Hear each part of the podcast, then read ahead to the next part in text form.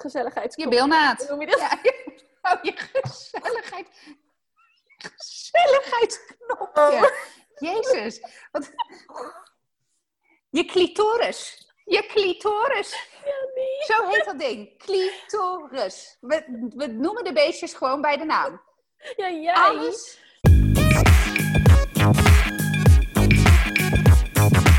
Let's go.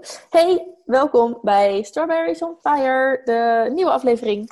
Aflevering 41. Het duurde even, maar daar zijn we dan. Zullen jullie niet vermoeien met de technische difficulties, maar die waren er. En we hebben nu Zoom ontdekt, dan maar. Ja. ja. Dus jij via telefoon. Ja. En uh, uh, rete scherp en verstaanbaar en zichtbaar. Dus dat is wel. uh, dat werkt in ieder geval.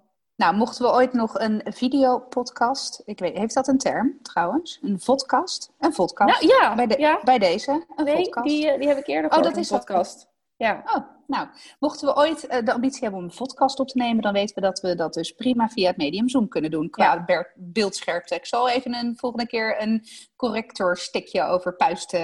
ja, maar precies. Want als je een Nou, podcast, dan moeten we er ineens weer gewoon normaal uitzien en zo. In plaats van. Nee, maar Verlept. nee, of, of niet, hè? Want hey, niet. dit, dit, dit zijn wij om negen uur 's avonds. Ja, dus het is of make-uploos, ontploft haar, moe. Uitgesmeerde mascara. Oh wel. Oh, hoe was je dag? Dit vraag ik alleen maar zodat ik Eh. straks over mijn eigen shitshow dag kan vertellen. Ja, nee, mag. Dus- Nou, dan was mijn dag prima, want ik moet erover nadenken. Ik heb geen shitshow eh dag. Dus goed. vertel, hoe was jouw dag? Nou, dat was me daar toch een shitshow. nee.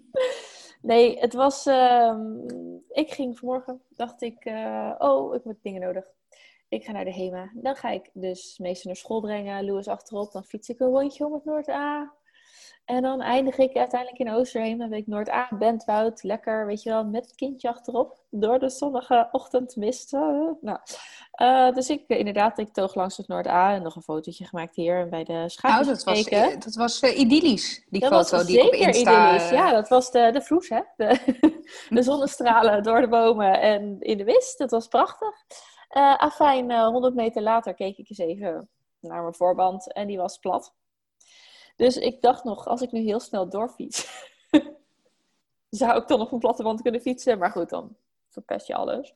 Ja, dan, ver, dan verpest, je, verpest je ook je buitenband Ja, als je op je vel gaat rijden. En Ja. dan sowieso je binnenband, die kan je dan vervangen in plaats van plakken. Ja, nou, dus ik dacht, nou, dat hele HEMA-verhaal, dat valt in duigen.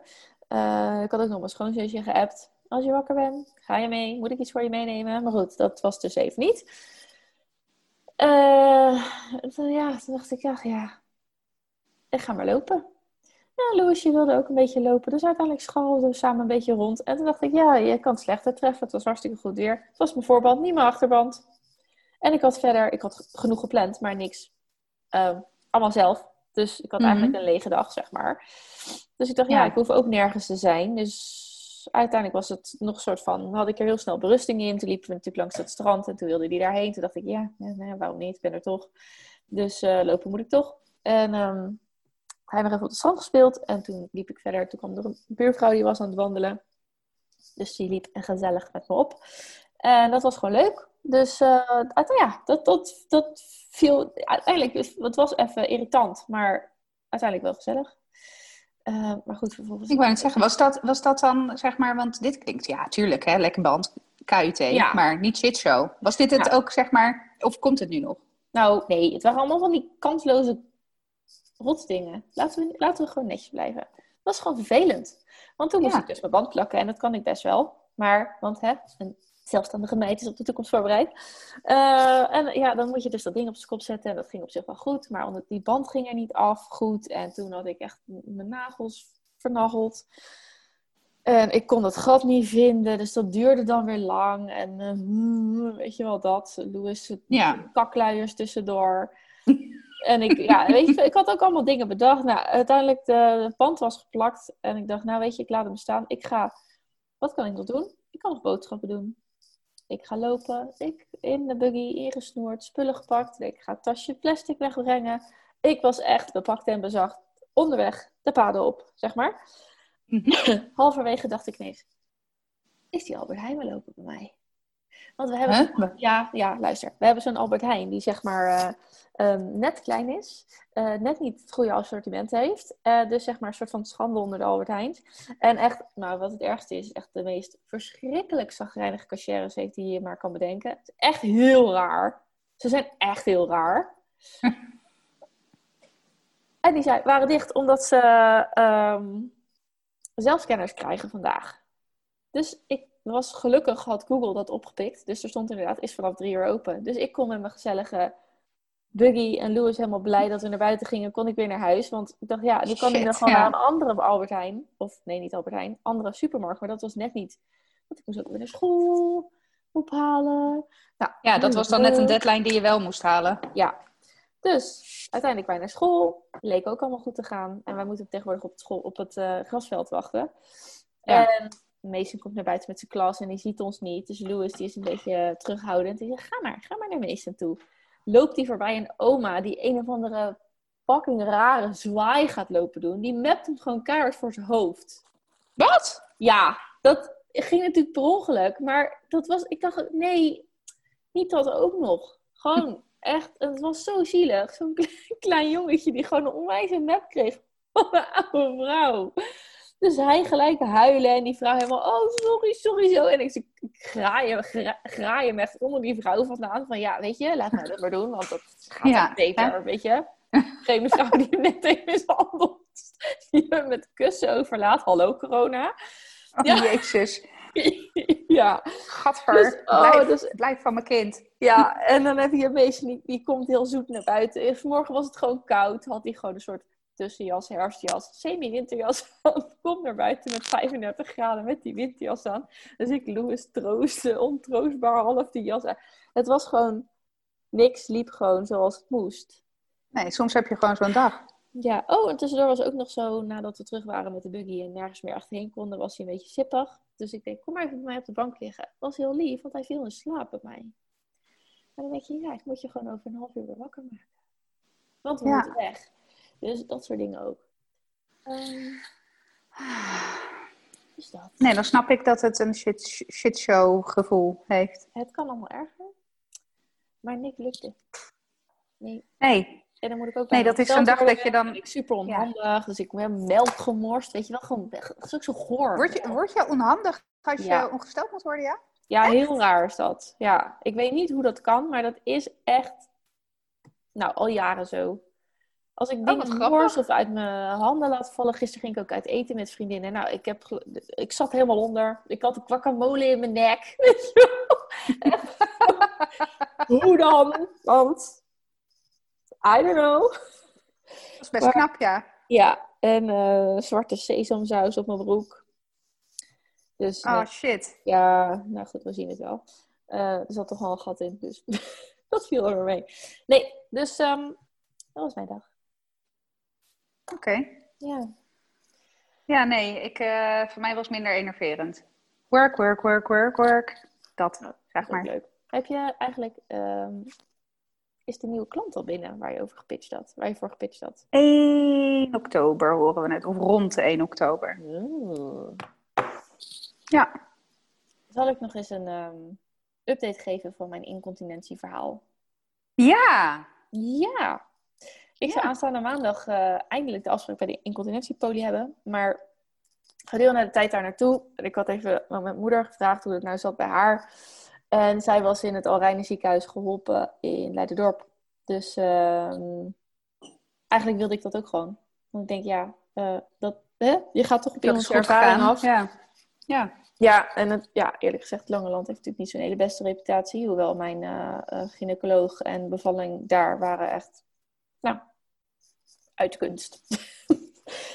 maar eh, nee, dat was gewoon prima. Maar ik dacht van, ja, weet je, dan ga ik dat hele... Hè, ik heb natuurlijk voor het verteld wat je allemaal moet doen. En dan gaan ze zo'n cystoscopie doen en je blaas kijken, wat ik best wel heftig vind. En ik ja, dan gaan ze dat allemaal doen bij een ziekenhuis waar ik toch niet geholpen wil worden.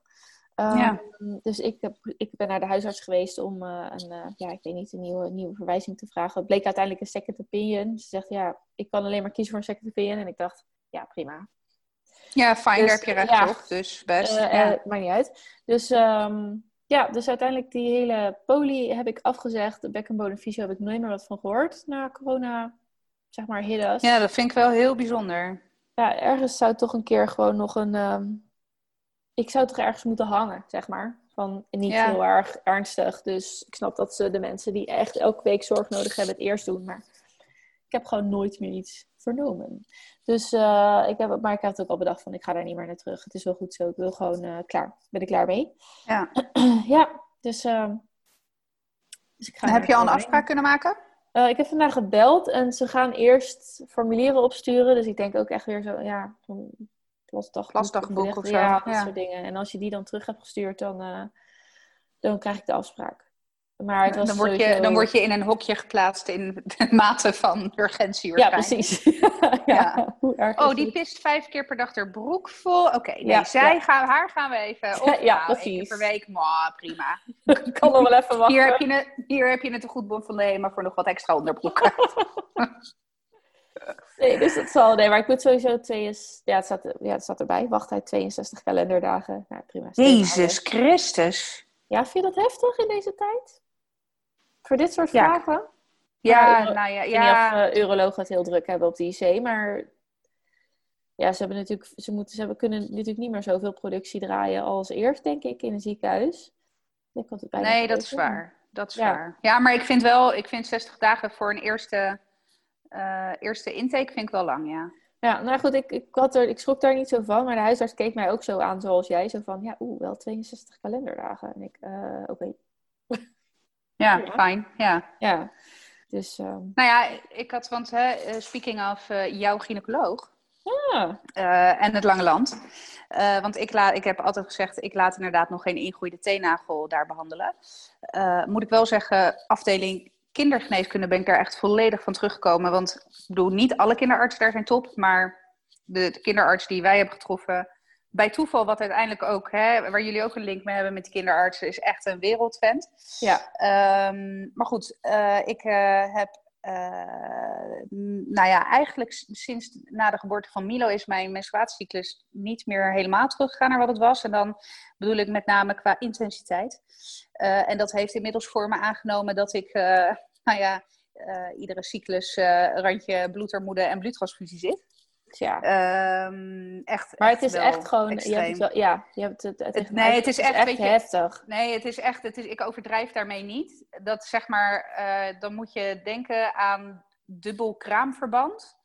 Eh, wat, nou, na tien minuten eh, het nog niet houdt, zeg maar. Dus het is ook, ik heb ook na mijn bevallingen nog nooit zo heftig gebloed als nu Ja. tijdens mijn menstruatiecyclus. Dus toen dacht ik, ach, laten we er toch maar even een gynaecoloogje bij roepen. Maar is dat zeg maar opgebouwd? Of is dat elke keer al geweest vanaf eh Milo's geboorte? Nee, het is opgebouwd. Het is opgebouwd. Eh, en het, het is echt zo opvallend heftig sinds nu een maand of drie, vier. Eh, waarbij eigenlijk twee maanden geleden, of anderhalf maand geleden, eh, ik echt eh, zeg maar gewoon twee nachten niet heb kunnen slapen. En niet van de pijn of van, maar gewoon omdat ik niet, ik- wat ik ook deed, alles was zat onder het bloed. Dus ik moest echt rechtop zitten op Ja. stapels handdoeken. Om dus, ja, of ik had onder de douche kunnen zitten. En toen dacht ik wel, oké, dit is niet meer normaal. Het was al Nee. langer niet normaal, maar dit is echt niet meer normaal. Eh, en ik weet dat mijn tante in Italië, die heeft eh, nou, vrijwel exact hetzelfde probleem gehad. En zij heeft het tot op het punt dus dat zij meerdere bloedtransfusies heeft gehad. Ehm, dus dus ja, ja, dat toen is niet te naar de- wachten. Nee, nee, lief niet. Dus ik, eh, toen ben ik naar de, naar de huisarts gegaan. Dat was trouwens wel grappig, want het was een mannelijke huisarts. Mijn eigen huisarts is, is een vrouw. En die vroeg, nou meid, waar kom je voor? En Dus, dus een vervangende huisarts, die kende mij niet. Dus ik zeg gewoon point blank, ik zeg nou, ik kom voor een doorverwijzing naar de gynaecoloog. Van, eh, naar de gynaecoloog. Nou, nou, nou, hè, eh, even hè, rustig aan. Eh, Wat zijn je klachten? Dus toen dacht ik, oh god. dus, dus ik ging, zeg maar, enigszins Ik heb nu al medelijden, ik heb nu al medelijden met die man. Oh, dit is net als Michael Jordan uitdagen. Ja, nou ja, dus ik ging, ik, ging, ik kwam me echt, nou, het is dat ik niet mezelf heb gezien in de spiegel, maar ik, ik, ik ging ook echt rechtop zitten, armen over elkaar, benen gekruist. Ik denk, oké. Dus ik, eh, de, eh, alle medische terminologie die ik nog ken uit het verleden eruit gegooid met betrekking tot mijn klachtenpatroon. een mogelijke diagnose al op tafel gelepeld. En je zag hem echt op een gegeven moment ook denken, kut. en toen, toen zei hij inderdaad, en dat moet ik wel zeggen, Koeders, hij zei op een gegeven moment, ja, ik kan nu een heel moeilijk verhaal uh, gaan houden over het feit dat ook ik je als huisarts kan helpen bij heftige menstruatieklachten. Maar ik denk dat je inderdaad op je plek bent met een doorverwijzing naar de gynaecoloog. Inderdaad. Dus. Ja, ja. hadden we daar al deze tijd voor nodig? Ja, maar goed. Dus, uh, hoe heet het? En toen, toen um, uh, mocht hij, of toen vroeg hij veel, waar wil je naartoe?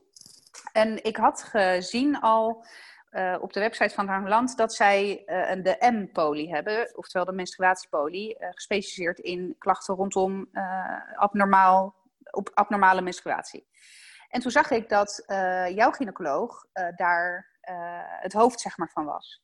En toen dacht ik, omdat jij inderdaad echt lyrisch over haar was, dat ik dacht, oké, bij haar durf ik het wel aan. En het is ook gewoon chill, weet je, gewoon hier in de stad. Want dan kan ik gewoon daar naartoe zonder dat ik weer een op zeven moet doen om bloed prikken en weet ik het allemaal voor ellende.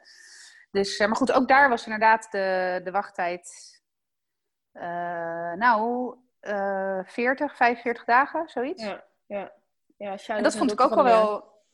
Ja, precies. Maar dat vond ik ook wel heftig. Maar goed, ik heb vrijdag de afspraak. Uh, dus ik ben heel benieuwd. En dan is het een kwestie van kijken? Ja, nou, dat ligt er een beetje aan. Ja, en, en ik dacht eerst nog met mijn bleuwe hoofd dat ik gewoon, ik noem het maar even, de dildo-echo kreeg. Ja, dus de gewoon gewoon hè, inwendige- de, de, de bekende inwendige staaf. Uh, maar ze gaan uh, Dildo-echo. waarschijnlijk... De dildo-echo, ja. Ik bedoel, ja. Nou, ja, toch? Dat is toch? Ik Ja. vind het een dildo-echo. Ja, Nee, maar als ik dat zeg, dan weet iedereen meteen wat ik bedoel. is zeker zo. Ja. Ik kan, kan het ook inwendige echo noemen, maar dat is wat minder leuk of zo. Een dildo-echo, dus dat is is gelijk grappig. Het is gelijk ook... Ja, Ja. het is hilarisch. Nee, Ja, het is gelijk duidelijk. Godverdorie, moet ik hier mijn eigen grap gaan zitten uitleggen? Nee, ik moet Jullie, jullie volgen mij, luisteraars, hè? Jullie volgen mij. Maar eh, dat is dus waarschijnlijk niet zo. Wat ik heb begrepen is het echt een echo van de binnenkant van mijn baarmoeder. Wat betekent dus dat ze met een soort van canule of whatever ook echt de baarmoeder ingaan. Wat is een canule? Ja, dat, een canule, een soort van rietje. Of in ieder geval, ik, dat stel ik me voor hoor. Ik weet niet of het een canule is. Maar in ieder geval dat ze met een slangetje, met een echo, iets terugs in de baarmoederholte gaan kijken. Oh ja, dus zeg maar net als Eh, mijn, eh, mijn blaasonderzoek. Ja, precies. Ja. En, eh, en ik heb dan ook nog, ja, het is allemaal misschien too much information hoor. Maar ik heb ook nog een, zeg maar, een beetje naar, achtel, naar achterliggend gekantelde baarmoeder. Dus inwendige onderzoeken zijn bij mij sowieso de hel. Want ze moeten, nou, een soort van baarmoeder. Ja, precies. Dat is echt niet, dat is echt niet fijn. Dus eh, ik zie er niet heel erg, eh, kijk er niet heel erg naar uit. Maar Nee. het is dus afhankelijk van wat ze vinden. Of dan ze het meteen eh, het kunnen verhelpen of niet. En ja, even heel plat geslagen, er zullen talloze mogelijkheden zijn hoor. Als er gynaecoloog nu luistert, mijn excuses. Maar eh, in theorie ze- kan het een myoom zijn, een fibroom eh, of gewoon eh, nou, endometriose zou trouwens ook nog kunnen. Eh, Of ehm, eh, gewoon dik, vet baarmoederslijmvlies, zeg maar. Eh, wat dan hormonaal iets niet helemaal lekker zou kunnen zitten. Dus het is heel erg afhankelijk van, de, van wat de oorzaak is van het probleem, wat dan de ingreep is. Ja, Ja. dus ik, ehm, ik weet het niet. Maar ja, in sommige gevallen kunnen ze dus meteen op de behandelkamer behandelen. Eh, maar in de meeste gevallen wordt je, hè, als ze iets vinden, wordt je, moet er een nieuwe afspraak gemaakt worden omdat het op de OK gebeurt, omdat het dan eh, of onder narcose of onder hoesje of onder rugprik, geloof ik, wordt gedaan. ja. Zou je gelijk weer behandeld willen worden? Eh, nou, dat ligt er een beetje aan. Kijk, als er gelijk behandeld kan worden, kan er geen pijnstilling gegeven worden. Ja, er- ze kunnen misschien wel iets met lokale verdoving. En ehm, ja, weet je, ik, ik hoef niet per se pijn te lijden. Nee. Dus het ligt, kijk, het ligt er, het ligt er helemaal aan. Het ligt ook aan, weet je, als ik eh, dan nog een keer twee maanden en dus twee cycli, cyclussen, cycli moet wachten. ehm, met alle gevolgen van dien. Want hè, ik ben nu ook ongesteld en ik heb morgen een afspraak buiten de deur. En ik hou echt mijn hart vast hoe dat gaat zijn. Ehm, ja, weet je, als ik dan moet kiezen tussen, oké, nu even eh, tanden bijten en het gelijk het probleem verhelpen, of dan weer twee maanden moeten wachten totdat er een plek vrijkomt op de OK. Ja, misschien dat ik dan wel zeg, joh, ik eh, geef een pollepel, ik bijt mijn kiezen wel kapot en eh, gaan. Ehm, Dus ja, ik weet het niet. Ik denk dat ik het laat afhangen van het moment. Ja. En van wat dokter Van der Meer zegt, uiteraard. Ja, ik ben echt benieuwd hoe het is met die, met die menstruatie, ehm eh, poli. Ja. ik heb geen verstand echt van ziekenhuizen, maar eh, hebben ze overal van die bijzondere polies? Weet je wel, ze hebben ook de incontinentiepolie. Ja, nee, geen idee. Weet ik eigenlijk niet of dat zo is. Eh, eh, weet ik niet. Nee. Misschien hebben we wel een ziekenhuisdirecteur tussen onze volgers zitten, onze luisteraars. Ja. Dus laat het vooral weten in de DM's. Ja. Oké, nou, spannend. Dus we zijn allebei wel met ehm, kutzaken bezig. ja, letterlijk. Ja, Oh, oh, ik heb- oh, ze maakt hem Oh, gewoon, ik jongens. maak Ze hem maakt gewoon. hem. En ik zat al, wanneer ga ik hem droppen? Ja hoor, drop hem maar. Ja, nee, ik zei nog tegen de dokter, want eh, die ging, eh, eh, ging eens kijken. Oh nee, ja, ik moest natuurlijk ook mijn uitstrijkje laten doen. Weet je wel, dat Oh, ding ja. dat jij al twee jaar in de kast hebt liggen en waar ik gewoon Ja, heel ja. trouw voor naar de dokter ga als ik 30 Ja, ben maar- en 35. Misschien kan ik dat nu ook wel laten doen. Ja, want het is wel makkelijk als zij doet. Ja, ja nee, het Ja. ligt daar dan toch. Ja. Oh, dan, ja. Ja, dat is een goeie. Kan het als je ongesteld bent? Dat weet ik niet. Maar ik had eerst een afspraak en toen, de dag ervoor werd ik ongesteld. En toen belde ik eigenlijk zelf af, omdat ik dacht, ja, vind ik niet echt relaxed. En toen Nee. zei ze niet van, hé, hey, het kan wel hoor. Dus, Oh, oké. Nou, Ja. dan zal het wel kunnen. ik weet niet. Is dat niet vertroebeld dan? Weet ik veel. Ja, Ik ben ook geen het is ook- dokter. Het is ook maar een soort eh, wat staaf die ze doen. Dus ja, daar moet, dan zit er allemaal bloed. Nee, ik denk, ik denk niet dat je ongesteld kan zijn. Je moet ook je laatste menstruatiedatum geloof ik opgeven. Ja, ja de start van je Hmm. laatste menstruatie. Alsof je zwanger bent. Ja. Nee, dus eh, ik, ging, ik lag daar en ik zei, oh, ik ben echt... eh, want we hadden het natuurlijk over die incontinentie gehad. En ik had ook nog gevraagd of ze even wilde checken op aan bij je. Nou, dat viel reuze mee, gelukkig. Dus dat scheelde. Maar eh, ik zei van ja, ik ben gewoon een beetje klaar na al die kinderen met het gedoe onderin. Toen zei ze, oh ja, nou ja, dat, dat begint nu pas eigenlijk. Wat? Oh. Ja, ze zei echt van nee, ja, maar dat- nee, nee na, na je bevallingen begint het pas. Nou, ik had Dus- echt, zat er echt hetzelfde in als jij. Ik denk echt, joh, er, is genoeg Polonaise down under geweest, Ja, hè? Het is niet klaar. Nee, nee, nee, daarna begint het pas, zegt ze. Oké, zo, brace yourself. Jezus. Ja, dus je blijft forever met je benen wijd daar liggen. Waar dan ook. Zo ongemakkelijk is het. Ik vind het niet eens ongemakkelijk om daar, zeg maar, half naakt te liggen. Maar dat gedoe eronder. En ik denk, ja, omdat het toevallig een gat is wat er zit, kun je er gewoon de hele tijd maar dingen in steken. Echo's, dildo-echo's, eh, canules, wattenstaven. Ja. ja, ik weet het niet. Ik, eh. Ik weet niet. Ik ga het meemaken. Maar ik ben wel echt nu helemaal in shock over het feit dat het nu pas begint. Ja, je was ook echt even stil. ja. En ik zei ook, oh. dat moest ik ook even verwerken. Maar ik hoop wel dat ik zeg maar na de eh, uroloog en ik hoop dat ik dat, ja, weet ik veel, dat is misschien in 2021, dat ik daarna wel even klaar ben met dingen. Of zo. Down under of überhaupt. Nee, ja, nou sowieso überhaupt zou fijn zijn, maar gewoon sowieso down under, want ja, Ja, dat zou nee, wel nog eh, ja. moeten zijn. Ik kan nu niks meer verzinnen. En je kan ineens heel heftig ongesteld worden iedere maand. Oh ja, dat is bijna bloedtransfusieachtig. Ik kan gewoon mijn eigen bloed weer terugkrijgen. Ja, inderdaad. Ja, je oh, bent natuurlijk, jij bent natuurlijk donor. Ja, maar ik ging dus laatst weer. En eh, ik, eh, ik- in het ziekenhuis, weet je wel, super vaak bloed geprikt, links, rechts, maakt niet uit. Het ging allemaal lekker. Dus vorige keer had ik rechts. En toen dacht ik, oh, dat, dat, dat appt een beetje lastig, want ik ben stijf rechts. Dus toen dacht ik, nou ja, volgende keer zeg ik gewoon dat ze links moeten prikken. Dan kan ik in ieder geval een beetje Instagram en scrollen tussendoor. Als je daar toch ligt. Dus nou, zij links prikken en dat ging moeilijk en lastig. En eh, nou, het liep maar niet. Ik zag echt zo dat, dat, dat ding zat erin en dan echt zo dat, dat slangetje was echt zo vloep. En dan halverwege stopt gewoon. Dus dat je echt naar het slangetje kijkt van oké, hier zit dus bloed in en nu loopt het niet meer. Wat zegt dit? Dus uh, zij rommelen en toen moest er eentje komen die blijkbaar meer ervaren is of zo. En die ging scheppen. Dat klinkt ook lekker. Hè? Scheppen? Ja, scheppen. Maar vorige keer Gadver, wat is die- dat? weet- ja, ze, ze doet dan een beetje zo...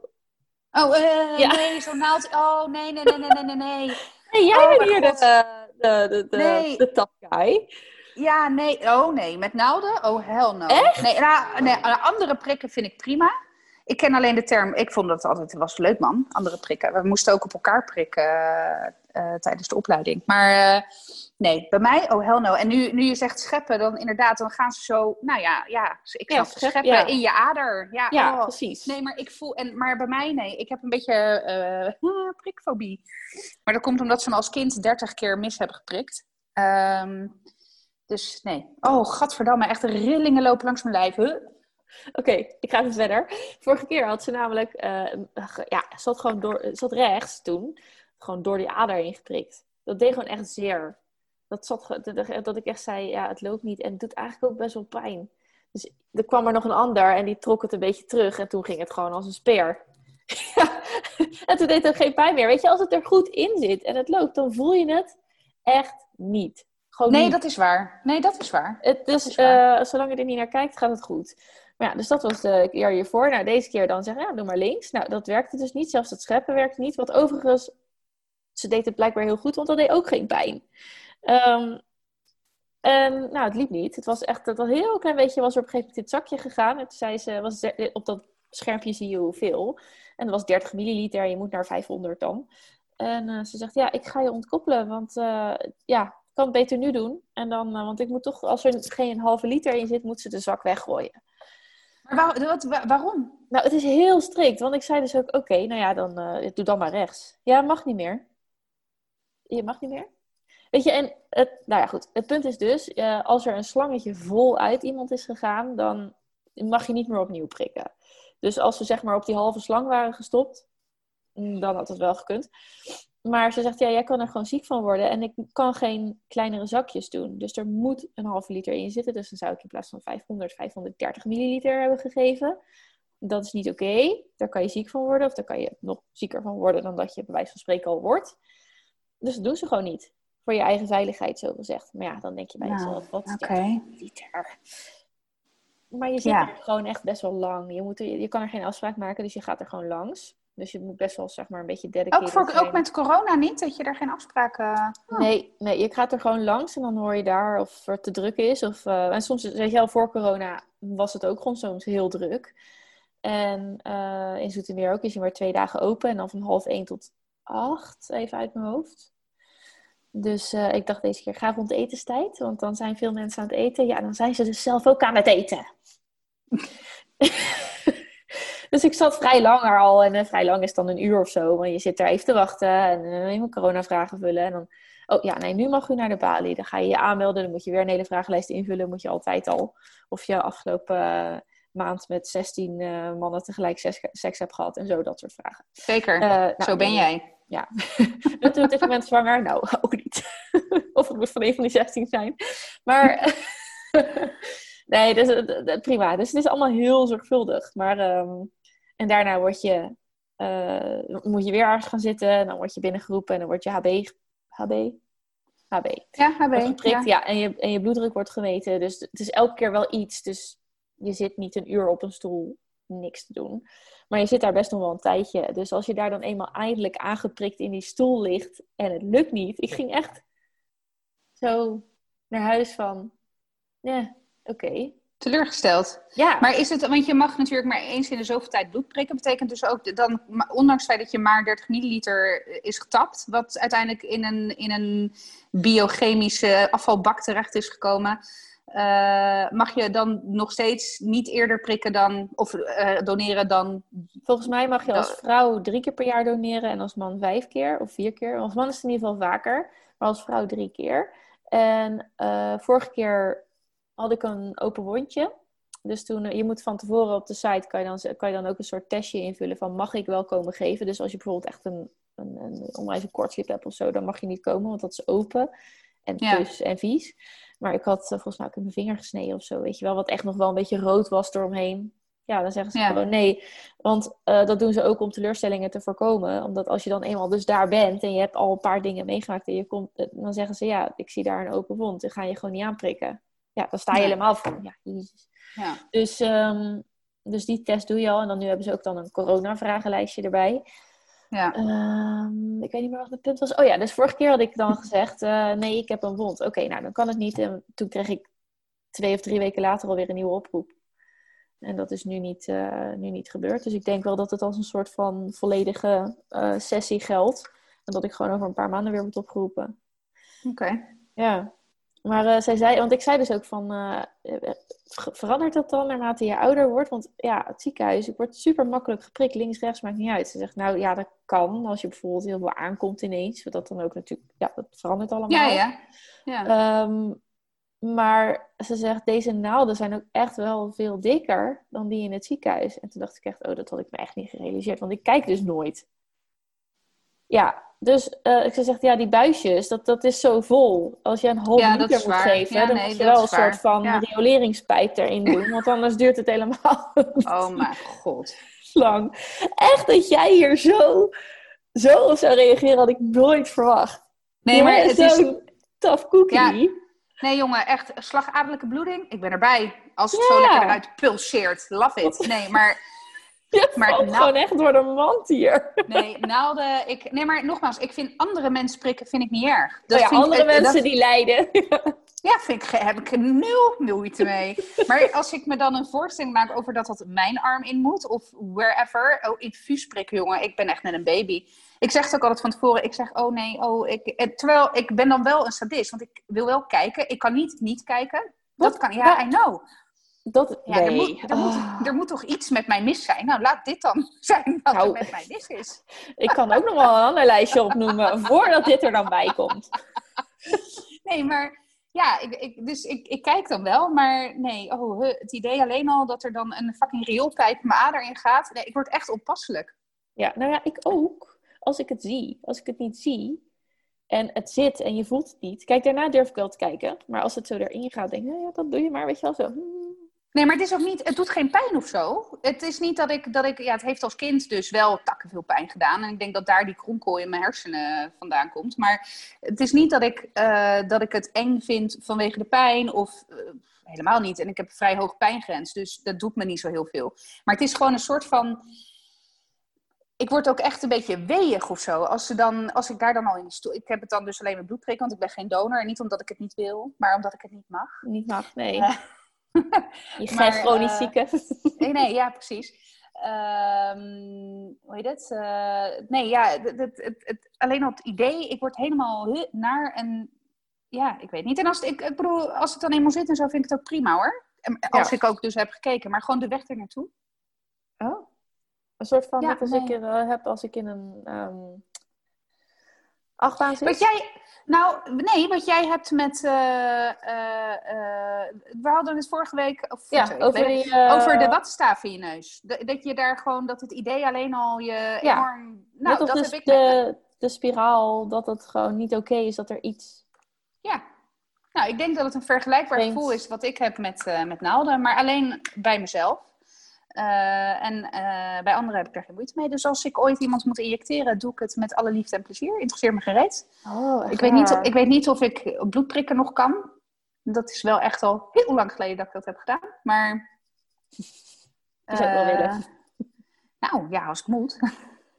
Laat mij maar.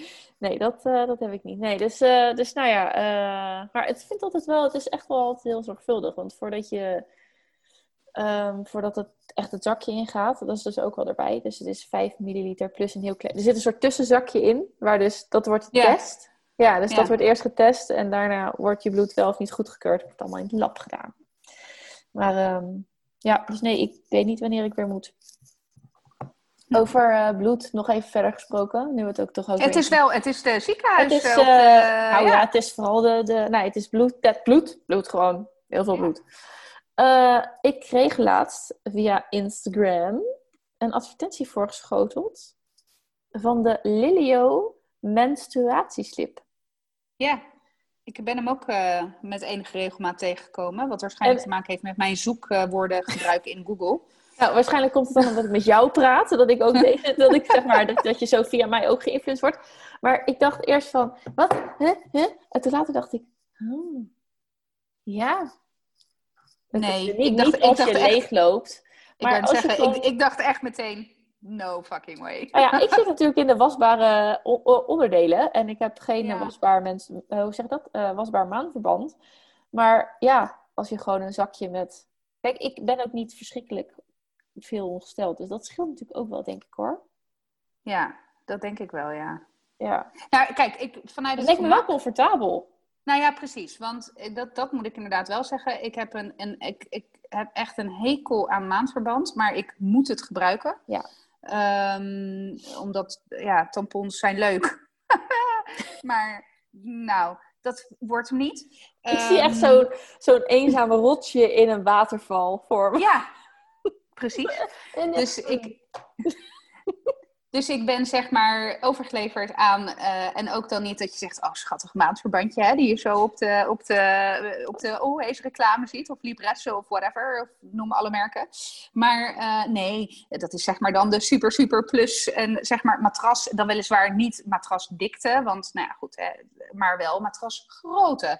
Eh, dus en ik, weet je, en ik ben ook ehm, vaak vrij lang ongesteld en dan gaat het allemaal irriteren en die huid is Ja. daar natuurlijk gevoelig. En, dus ik, dat was wel dat ik dacht, hé, hey, dat is natuurlijk wel heel fijn, omdat je eh, niet dat eh, plastic, want dat, er zit gewoon plastic in dat maandverband, Ja. ehm, dat broeierige van dat plastic en die irritatie van je huid die daarbij eh, komt, dat heb je dan denk ik niet.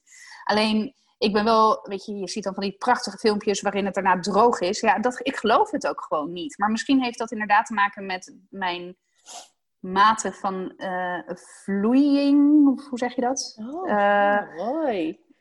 Uh, maar uh, dat ik het dus een beetje uh, sceptisch ben.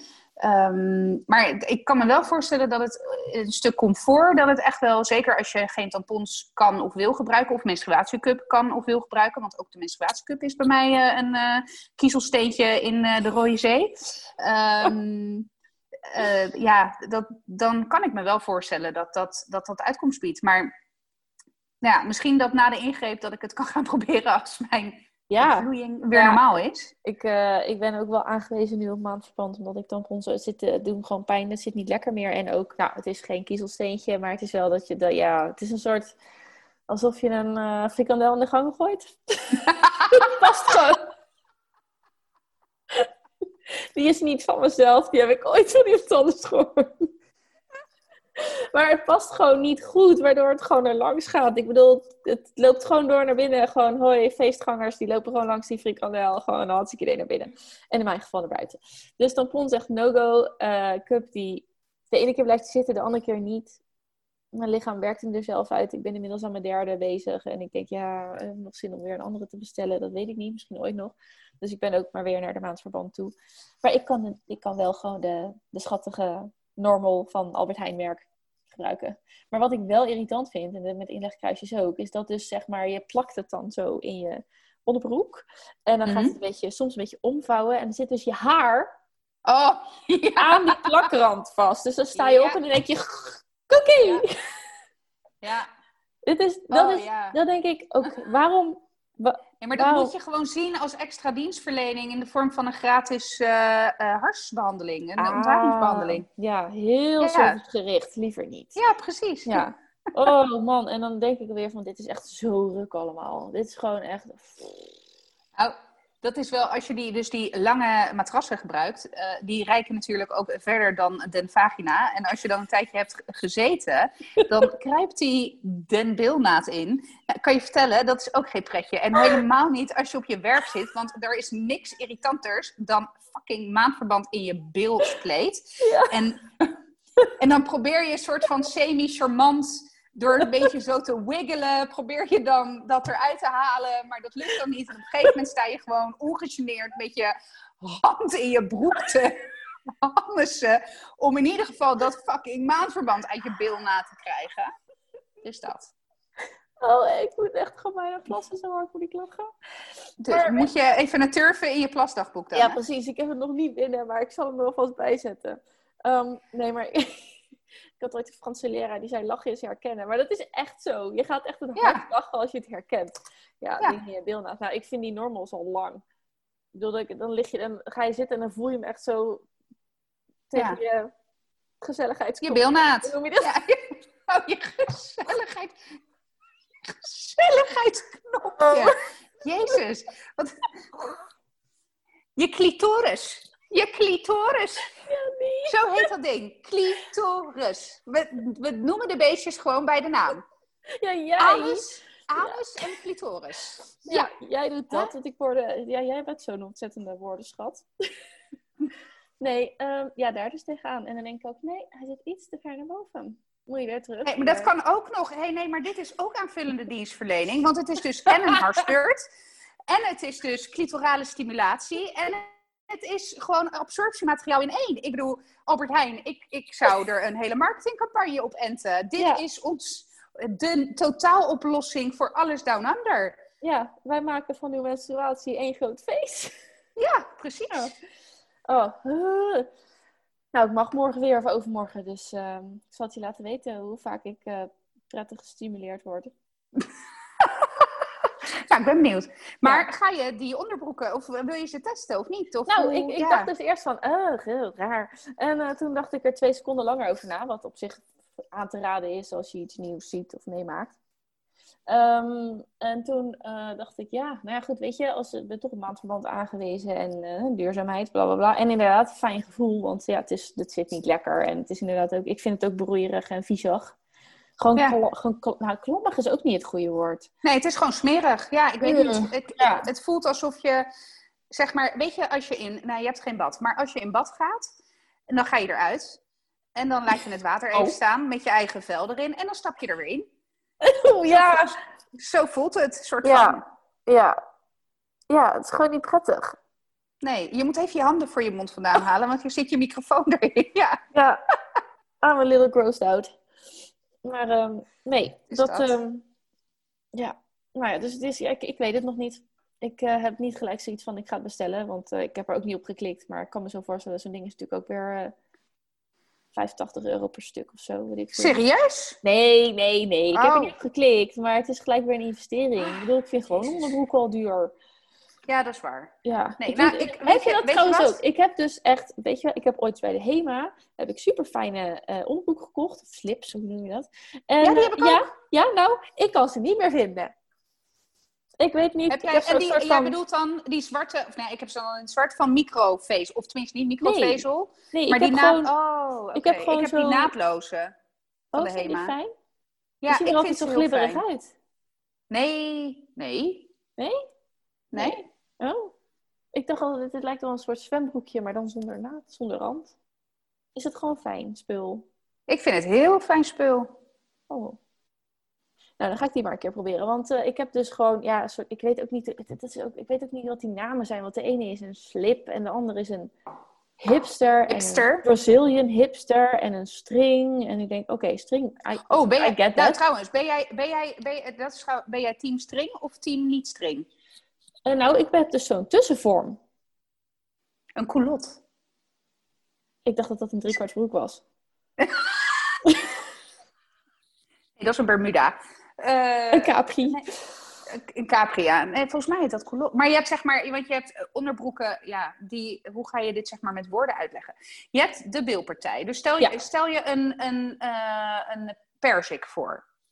Eh, en je hebt dan de bilpartij. En je hebt dan, zeg maar, als je kijkt naar de rand van de onderbroek over de bil heen, heb je die, zeg maar, eh, als het ware de hele bil omvatten. Ja, die echt Dus in die- de vouw gaan. Die echt Precies. die... En je, ja, en je hebt, zeg maar, als je een cirkel zou tekenen, dan heb je die, die de andere kant op gaat. Dus waardoor, waarin het een soort van V wordt. Maar nog niet Ja. in formaat string, maar, Nee. maar Ja, die heb ik. Die zeg maar, maar ze gaan ook weer niet, want soms heb je zo'n string die ietsje breder is. Die van mij zit niet tussen mijn kont. Maar hij gaat ook niet helemaal onder de, onder de rand, zeg maar. oké. Dus hij gaat er een beetje zo, zo, zeg maar, hij buigt gewoon zo af. Zo een beetje zo over drie kwart van mijn bil heen of zo. Ja, zit- ja dus toch een, soort, eh, toch, toch een soort Bermuda. eh, De, de Bermuda onder de onderbroeken. Of Capri, zeg maar. Oké. Ja, de culotte. De culotte. Nee, en dan is zeg maar het onderste randje is dan een kantrandje. Dus dat is ook niet zo'n oh, dat met is ook wel naaimachine sexy. gedaan. Ja, en het is ook niet met zo'n naaimachine gedaan ding dat het echt zo'n vouw in de driekwart van je bil wordt. Maar het, het is wel gewoon eh één geheel. Het is geen dat je zo vier van die billen krijgt, weet je wel, wat je wel eens ziet. Ja, pijnlijk. Ja, Ja, oh bah, ja. nee, hoe weet je dat? Als je dat niet weet, dan weet je dat niet. Want je kijkt ook nooit tegen Nee. kont aan. Maar goed, ehm, eh, die kan ik dus niet meer vinden. Want dan pak ik het zo en denk, nee, dit is te lang. Weet je wel, dit gaat tot onder je. Of soms heb je echt zo'n zo'n boksertje. Dat is helemaal Mhm. Dat hoef ik ook niet. Maar, en dan en de andere pak weer. Ik denk, nee, dit is echt zo'n string waar het echt in de naad gaat. En dan ietsje, niet helemaal boven eruit komt, maar er ietsje onder. Een kontveter. Ja, maar dan zeg maar ietsje breder. Ik denk, ja, nee, dat, en dat heet dan weer een Brazilian hipster of zo. Ik, man. Dus ik kan het niet meer vinden. Maar uh, aangezien jij de, de, de naadloze, afgelezerde microfiber onderbroek aanraadt. Ik zou je wel, want ik ben benieuwd, want je hebt volgens mij twee versies bij de HEMA. Je hebt die inderdaad, uh, die me doen denken aan een afgeknipt sportbroekje van vroeger. Zo'n lycra broekje. Die Ja. zijn het niet. Ja, Ja, maar Die die, zijn het niet. Ja, nee, die is het niet. Maar ik zou wel... eh, een afgeknipte ehm, fietsbroek inderdaad. Ja, maar dat, dat is hem niet. Want het is ook, dat stofje is het ook niet. Dus ik, eh, ik, ik denk dat jij een andere in je hoofd hebt dan die ik bedoel. Maar ik eh, ga ze doorappen naar je. Ja, en dan maak ik een foto van een schone, natuurlijk. En dan zeg ik, kijk, dit is het. Dit heb ik nu. Maar ja, ja. ze zitten wel fijn, maar op een gegeven moment ben je wel weer toe aan een nieuw setje, zeg maar. Heb jij strings gedragen in je puberteit? Ja, ja hier, tot, eigenlijk tot hiervoor, denk ik, dat ik altijd wel strings had. Ja. Vond je dat, vond je dat fijn? Eh, ik, moet, ik weet echt nog wel dat ik zeg maar drie dagen eraan moest wennen. Toen ik dat eenmaal ging dragen, toen ik, weet ik veel, 15 was of zo. Tegenwoordig draag je het al als je 11 bent, geloof ik. Maar ik ben nog oud. Ik was 15 of zoiets. En eh, ehm, ja, ik moest geloof ik drie dagen aan wennen en toen niet. Oh, ik heb echt, ik heb nooit eh, eh, strings gedragen. Ik vind, nou ja, als je het hebt over een opgevouwen maandverband tussen je anus. Nou, ik had dat dus ook met strings. Ik had de hele tijd het gevoel alsof er een fucking boomstam in mijn naad zat. Vond ik echt zo irritant. Sorry, ik ben wel weer veel aan het schelden. Dat is niet mijn bedoeling. Maar alsof er een boomstam in mijn naad zat. Het is, nee, ik, ik heb er ik heb nooit aan kunnen wennen. Ik vind het zo'n verschrikkelijk naar gevoel. Ook niet na drie dagen. Dat je drie keer Nee, nee, nee. Je hebt wel Nee, want ik had, hele, ik had hele mooie leuke stringetjes. Want ja, ik zat ook in die fase dat je denkt, hè, je bent jong en je wil wat. Ja, het hoort erbij. Eh, je moet en als er dan een keer... Ja, nou, ja, daar zat ik niet eens over na te denken. Ik zat meer na te denken in de fase van, oh, daar gaat een keer een broek uit eh, tijdens een eh, Oh nee, voor mij was het eh, in eerste instantie echt wel van eh, ja, dat het meer voor andere meiden was. Weet je wel, wat zullen die van me denken als ik gewoon nog een onderbroek aan heb? Van, nou, niet meer van Pocahontas, maar met roze strikjes. Ariel, Zo. vooruit. Ja. Ariel. Eh, nee, dus eh, eh, daar, had ik, daar ben ik wel aan gewend. Maar ehm, ik heb een vriendin die slaapt in strings. Dat is mij echt een brug te ver. Ik heeft ook slaap echt- sowieso zonder onderbroek. Ja, ik bij voorkeur ook. Maar eh, die slaapt, die, die- ja, ze zegt, ik, ja, ik- ze hebben ook echt zo slaapstrings. Ik dacht echt, slaap, slaap in een string? Dat is, helemaal, dat is, dat is niet comfortabel. Ik, ben, ik was wel blij als ik hem dan uit kon doen s'avonds. Zeg maar net als dat je je haar in de staart hebt de hele dag. Ja, Strak, en dan, dan, dat voel je niet, dat is prima. En dan doe je hem uit en denk je, ah, dat. ja, Ja. en soms auw. Maar dat had ik dan wel. En dan denk ik, ja, ga toch niet in mijn bed weer zo'n string aantrekken? Nee. Nee, Nee, maar ik ben, ik ben sowieso niet van de strings. nee. Ik, vind het ook, ik vond het ook altijd hilarisch dat er dan van die meiden waren. Want die heupbroeken waren natuurlijk, eh, hè, hoe lager, hoe beter. Oh, ja, dat is Eh, toch vreselijk? Ja, sowieso. Maar eh, dan, iedereen droeg natuurlijk inderdaad de, en ook neonstrings waren helemaal hot. Ja, ja. En dan had je, had je van, die, van, van die meiden die gingen dan bukken. Of dan, weet ik veel, die hadden dan natuurlijk ook altijd het onderste kluisje op school. ja. Dus die, die zwabberden de helft van de tijd op eh, niveau grond. en dan was het echt, zeg maar, een soort van neon kontenparade. Alsof je, zeg maar, op een bouwplaats rondliep, maar dan met tienerkonten. Met Ja. van die Ja. van die reetveters die erboven, en dan niet een beetje, nee, gewoon echt een kilometer boven Ja, eh, want de dat, dat ging helemaal naar de bovenkant van de Ja. naad toe. Dat heeft een naam. Ik denk, hoor, is dat je crack? Nou, dat. En dan daarboven was dan nog het driehoekje. En daar gaat het pas om de heup heen. Dus Ja. het is gewoon... Je ziet, bij wijze van spreken, omdat de string al weinig stof is, je ziet eh, 80% van de stof op dat moment. Ja, Ja. nou ja, en ik vond, ik vond dat niet zo eh, charmant. Nee. Of zo. ook niet zo fijn. Maar dat, dat En ik, maar ik heb het ook geprobeerd hoor. Ik heb het ook geprobeerd, omdat ik wilde ook gewoon erbij horen. Want het was toen natuurlijk helemaal de bom die bom. Maar nee, ik vond niks. Maar heupbroeken, de bom die bom. Nee, heupbroeken zijn ook echt de hel. Wie dat ooit heeft bedacht, ik denk Oh, dat dat ja. is, dat, dat, nee.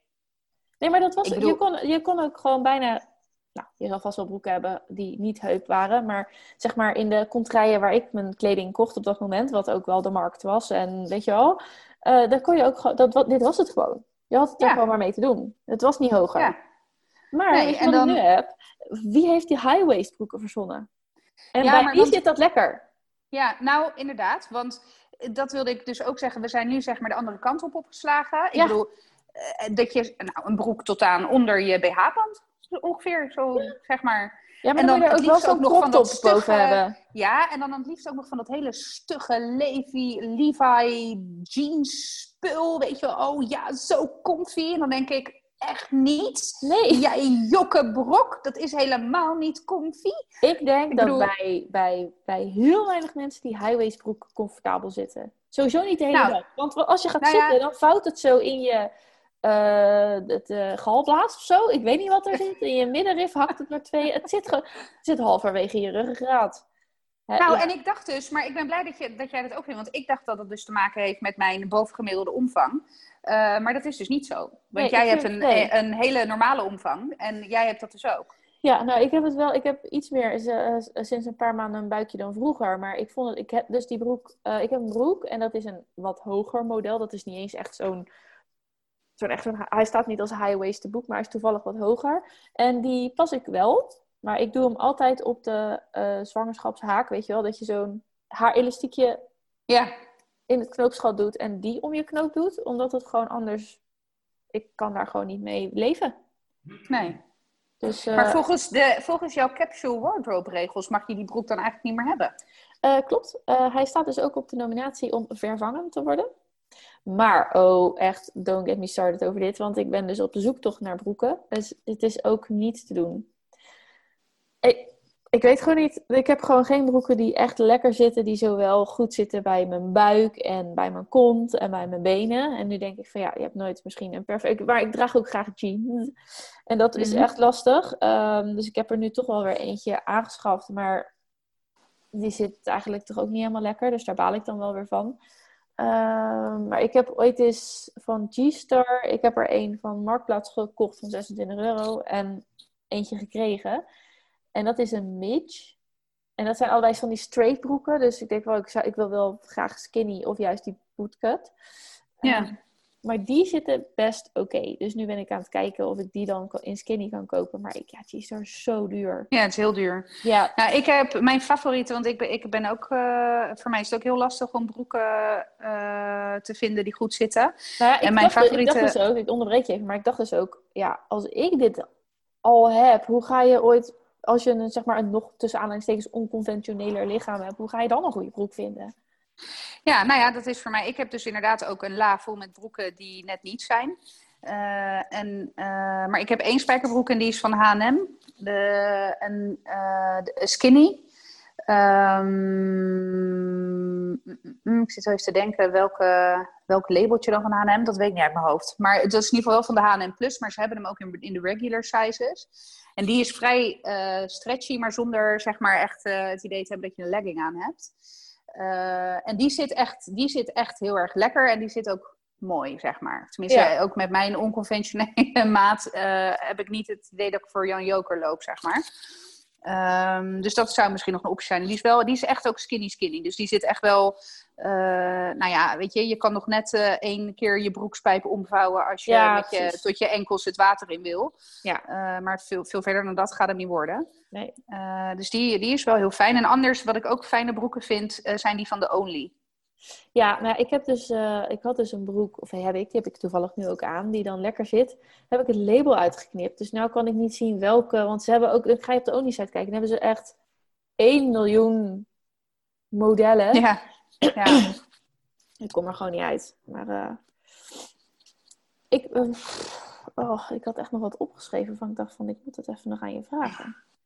Ja, jij mag kiezen. Wil je het gaan hebben over communicatie vanuit school? Of wil je het gaan hebben over, want ik heb net zondag met Lubach gekeken en het ging over de testcapaciteit en de testfabrieken die zogezegd mm, tegen zijn gehouden om die te gebruiken. Heb je dat meegekregen?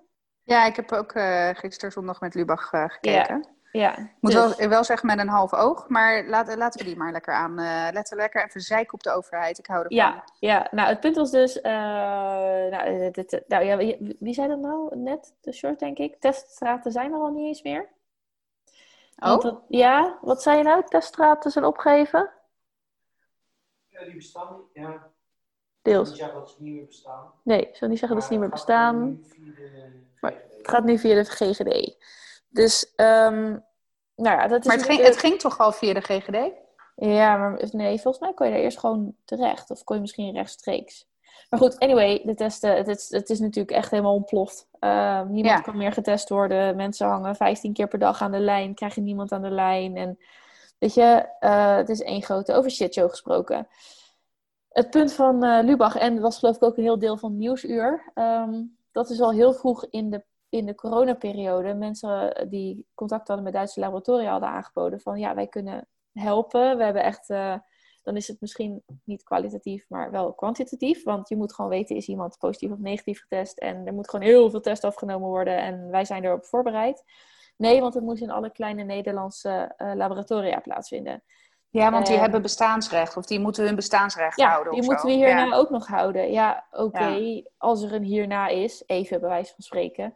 Ja, ik Ja. vond het wel, eh, wel kwalijk om te horen, want ze hadden dus helemaal uiteengezet hoe dat is gegaan de afgelopen eh, tijden. En je hebt ook commerciële testmogelijkheden. en wat, stond, wat waren er nou voor bedrijven dat ik dacht, oh ja, die ken ik en die ken ik. Eh, oh, de Sanquin, de bloedbank.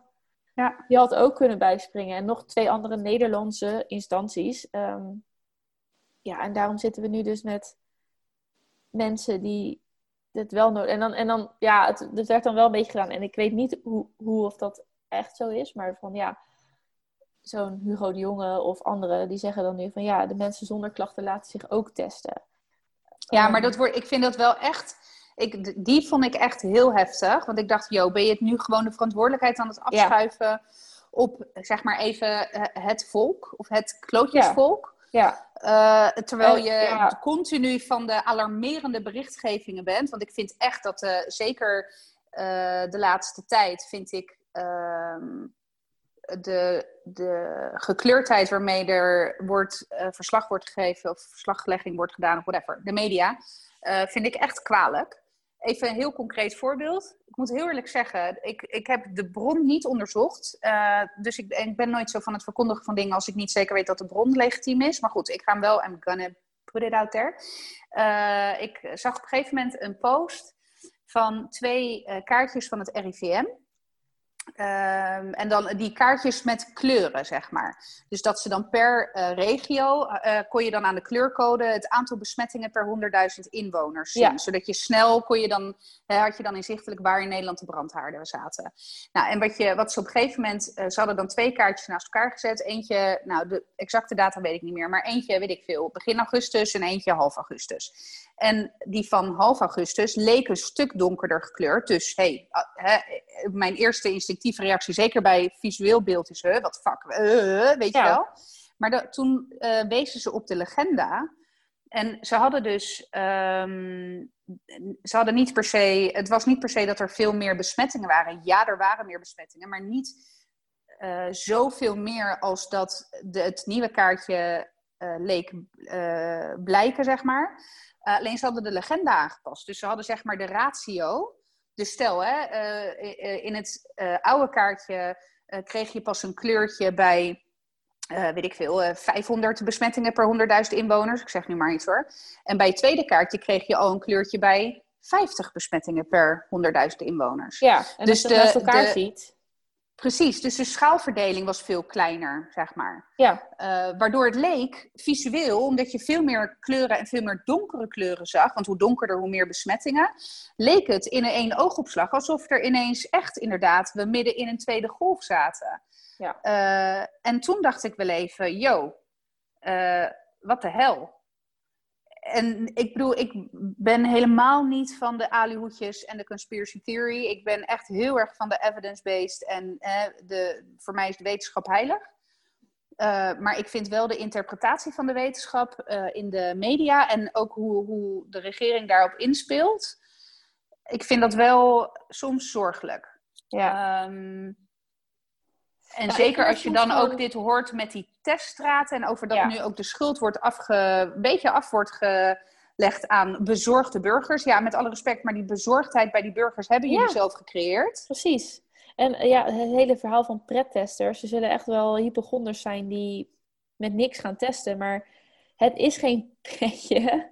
Nee, Dus nee, ja, hè? jij kan uit eigen ervaring spreken. Het is echt niet oké. Dus je gaat er ook echt niet voor je lol langs. Omdat je, weet ik veel, als je aan een staafje moet likken. Nou, dan, eh, dan is dat niet zo erg. Maar aan de gute, als je halve huig eruit geroerd wordt. Dan eh, ga je daar toch niet voor je lol heen. Of er zal inderdaad in ieder geval een hele grote groep dat niet doen. Maar ja, dus dat vond ik wel kwalijk. En wat ik als eh talig persoon ook wel... Wat, wat mij heel erg is bijgebleven is de manier waarop die minister De Jonge dan zei... Het is, eh, ja, de, de capaciteit... Of de, wat, de, de, de vraag is meer dan we hadden kunnen inschatten. ja, Dus dan zeg je ook nog geen mea culpa. Dan is het gewoon... eh, dan zeg je niet, ik heb het niet goed ingeschat. Of we hebben het niet goed ingeschat. Maar ja, we konden het niet goed inschatten. Ja, het, weet je, wees, nou ja, dat, dat, daar krijg ik dan wel een beetje jeuk van. Ik denk, je kan gewoon eerlijk zijn en eh, je vraagt iedereen om gewoon, hè, hè, als je een fout maakt, geef het toe. Maar wat ook heel gewoon. plausibel, wat ook heel, weet Ja. je, dat zou- ook helemaal geen schande zijn. Want we wisten zes maanden geleden überhaupt helemaal niet wat ons als wereld overkwam. Nee, Dus je, er, er zal ook, tenminste weldenkende mensen, zullen je nooit eh, daarop veroordelen. Waar wij als weldenkende mensen jou op gaan veroordelen, is discrepanties in je verhaal en handen schoonmakerij, zeg maar. Van die zin, Ja. hè, je handen wassen in onschuld. Dat Ja. is wat ik zocht. Eh, of, of excuses probeert te vinden. Of in ieder geval hè, het eh, ja maar. Het hele ja maar verhaal. Weet je, het is nooit, het is nooit eh, mijn schuld. Het is de schuld van die burgers, die prettesters. Of ja, het is of, de schuld of van... eh, misschien is het de schuld van niemand, maar dan kon niemand er wat aan doen. Ja, jij zit daar om de juiste beslissingen te nemen, of om in ieder geval om je te laten informeren. En als, weet je wel, het ging dan Wat ook over... overigens echt een, een onmogelijke taak is hoor. Ik bedoel, dat, dat moet ik wel zeggen. Ik, ik eh, benijd die mensen niet. Want je moet met heel weinig informatie eigenlijk, en het wordt wel steeds meer, moet je wel echt rete moeilijke beslissingen Ja. eh, nemen. Dus de, in their defense, dat is dan ook het enige in their Ja. defense wat mij betreft. Maar ja, weet je, ik snap dat je... Nu denk je ook van, want het ging dan ook om dat die Vossen, die Anne Vossen, die is ook voorzitter van de Vereniging voor die kleine laboratoria. Ja, Ja, weet je, misschien heeft ze er niet per se... Laten we even zeggen dat, dat we eh, het uitgaan van het goede in de mens, dat, ze, dat niemand daar echt belang bij heeft, of financieel belang, of wat dan ook. ja maar daar geloof ik is dus wel, nee, maar ze is wel biased daarin. Ja, tuurlijk. Zij hoort in haar dagelijks leven te staan voor die laboratoria, dus gaat zij daar ook die manier in. Dat is logisch.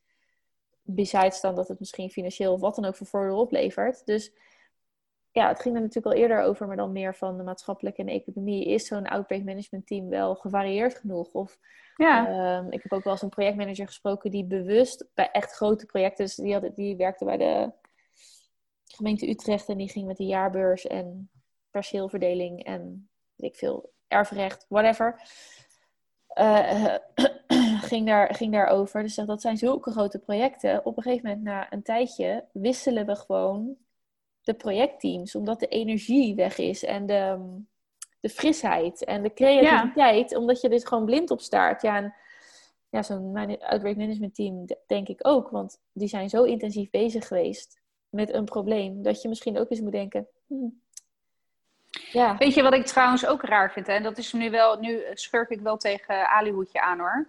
Maar wat ik heel raar vind, is dat hè, als we kijken naar eh, waar eh, wereldwijd de adviezen op worden gebaseerd, en die zijn natuurlijk dan worden, die worden dan nog wel per land eh, gefine-tuned. Maar die worden vanuit de eh, WHO worden die gevoed, zeg maar. De WHO is de instantie. Ja. Maar de WHO wordt staat onder leiding en toezicht van niemand. Niet van de NAVO, niet van enig, ene- enige andere vorm van internationale overkoepelende toezichthouder. Dat vind ik wel bijzonder. Ik zou verwachten dat zo'n instelling bijvoorbeeld onder de NAVO zou vallen of zoiets. Weet ik veel hoor, ik zeg nu maar wat. Auw. Sorry, ik stoot mijn elleboog. Maar eh, dat vind ik ook wel bijzonder. Denk ik, ja, een, een, een wereldwijde organisatie die op, op dit moment gewoon zoveel macht heeft, ja. daar zou je toch een onafhankelijke toezichthouder op willen hebben. En dat is dan ook wel weer het lastige, want ja, wat is onafhankelijk? Ja. Ehm, eh, en in principe is de WHO, wordt, hè, zijn er ook, wordt ook vertegenwoordigd, in, in- ik weet niet hoeveel landen, maar in ieder geval is, er, is dat ruim vertegenwoordigd eh, in alle landen, zeg maar. Of tenminste, de- vanuit alle landen eh, zijn er functionarissen binnen de WHO, zeg ja. maar. Het is dus niet de dat, diversiteit, de interne ja. diversiteit is op orde. ja, maar dat vond ik ook wel dat ik dacht, huh? Nooit bij stilgestaan hoor. Nee, ik heb me er ook verder nee. niet per se in verdiept. Maar eh, ik dacht wel, ja, ik vind dat wel, wel gekkig. Ik vind het Ja. sowieso eh, een beetje, eh, nogmaals, ik ben geen complottheorist. En ik geloof echt niet dat Bill Gates en whoever handjeklap hebben gedaan. En hebben gezegd, kom, we gaan een potentieel levensgevaarlijk virus Ja. laten rondwaren. Want angst is macht. En zover wil ik niet gaan. Maar ik denk best dat er een aantal wereldleiders hebben gedacht... Yo, maar dit Ja. is even handig. Hoe kunnen we Dit dit pak nou ik even zetten? Ja. Ja, precies. ja, dat denk ik ook wel. Maar zou je dan, zou je het, want nu, ik bedacht me dus omdat het zo over die Duitse laboratoria ging, dacht ik ook, in Europa zijn we ook allemaal maar weer met ons eigen dingetje bezig. Zeker. Dat hele Europa, eh, eh, als het puntje bij paaltje komt, echt laten we, nee, we zijn echt aan de tijd, maar horeca, vluchtelingen, Ja, dan is het toch Oh, ook ineens man. weer van eh, ieder voor zich Ja. en dan zoeken jullie het maar uit met al die mensen daar. Ja, dus ook maar een wassen neus op. Als het echt de crisis, als het echt de pleuris uitbreekt, blijkt dus dat je nog steeds allemaal je oogkleppen opzet en eh, eh, ja eigen volk, eigen Ja. volk eerst. Ja. Ja, dus nou. Nou ja, maar dan, dan en het, het lastige daarvan is dat er interne politieke belangen altijd voor gaan. Kijk, op het moment dat jij het niet goed regelt voor het, hè, vanuit de algemene eh, opinie, als jij het niet goed regelt voor je eigen volk, ja, er komen in ieder land weer een keer verkiezingen aan. Ja, Dus dan word je daarop afgestraft. Dat is, dat is het lastige van, eh, van die hele internationale samenwerking. En waarom dus er politiek, vanuit politieke motivatie gekozen wordt, denk ik echt voor bepaalde eh, beleidsmaatregelen. Eh, en ik zeg niet dat dat in Nederland per se zo is hoor, maar eh, gewoon hè, in het algemeen. Nee, maar het, het Ehm, is sowieso duidelijk dat er heikele punten of hete hangijzers, nou, als er een beetje verkiezing aankomt, dan wordt dat maar lekker een beetje vooruitgeschoven. Ofwel worden er Ja. beloftes gedaan daarover van wij gaan er wel iets aan doen. Of het is van, nou ja, nee, ja, nee, ja, eh, weet je wel, van daar ga ik me niet aan branden.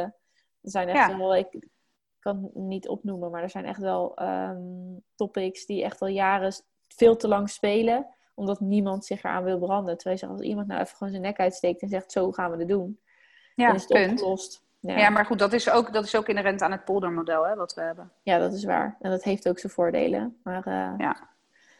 Maar goed.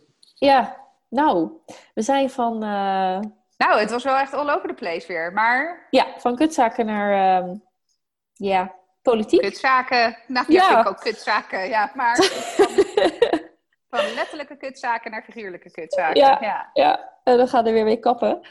Ehm, ja, superleuk dat jullie weer geluisterd hebben. Vergeet echt niet te abonneren en even heel veel sterren te geven en een leuke review achter te laten, want dat helpt ons echt. Eh, volg ons op Strawberries on Fire podcast op Instagram. Ehm, als je wil, kan je daar iets leuks onder laten achter, onder de posts of in de DM's. En dan horen jullie ons weer over een week of twee. Doei doeg! Doei! Bye.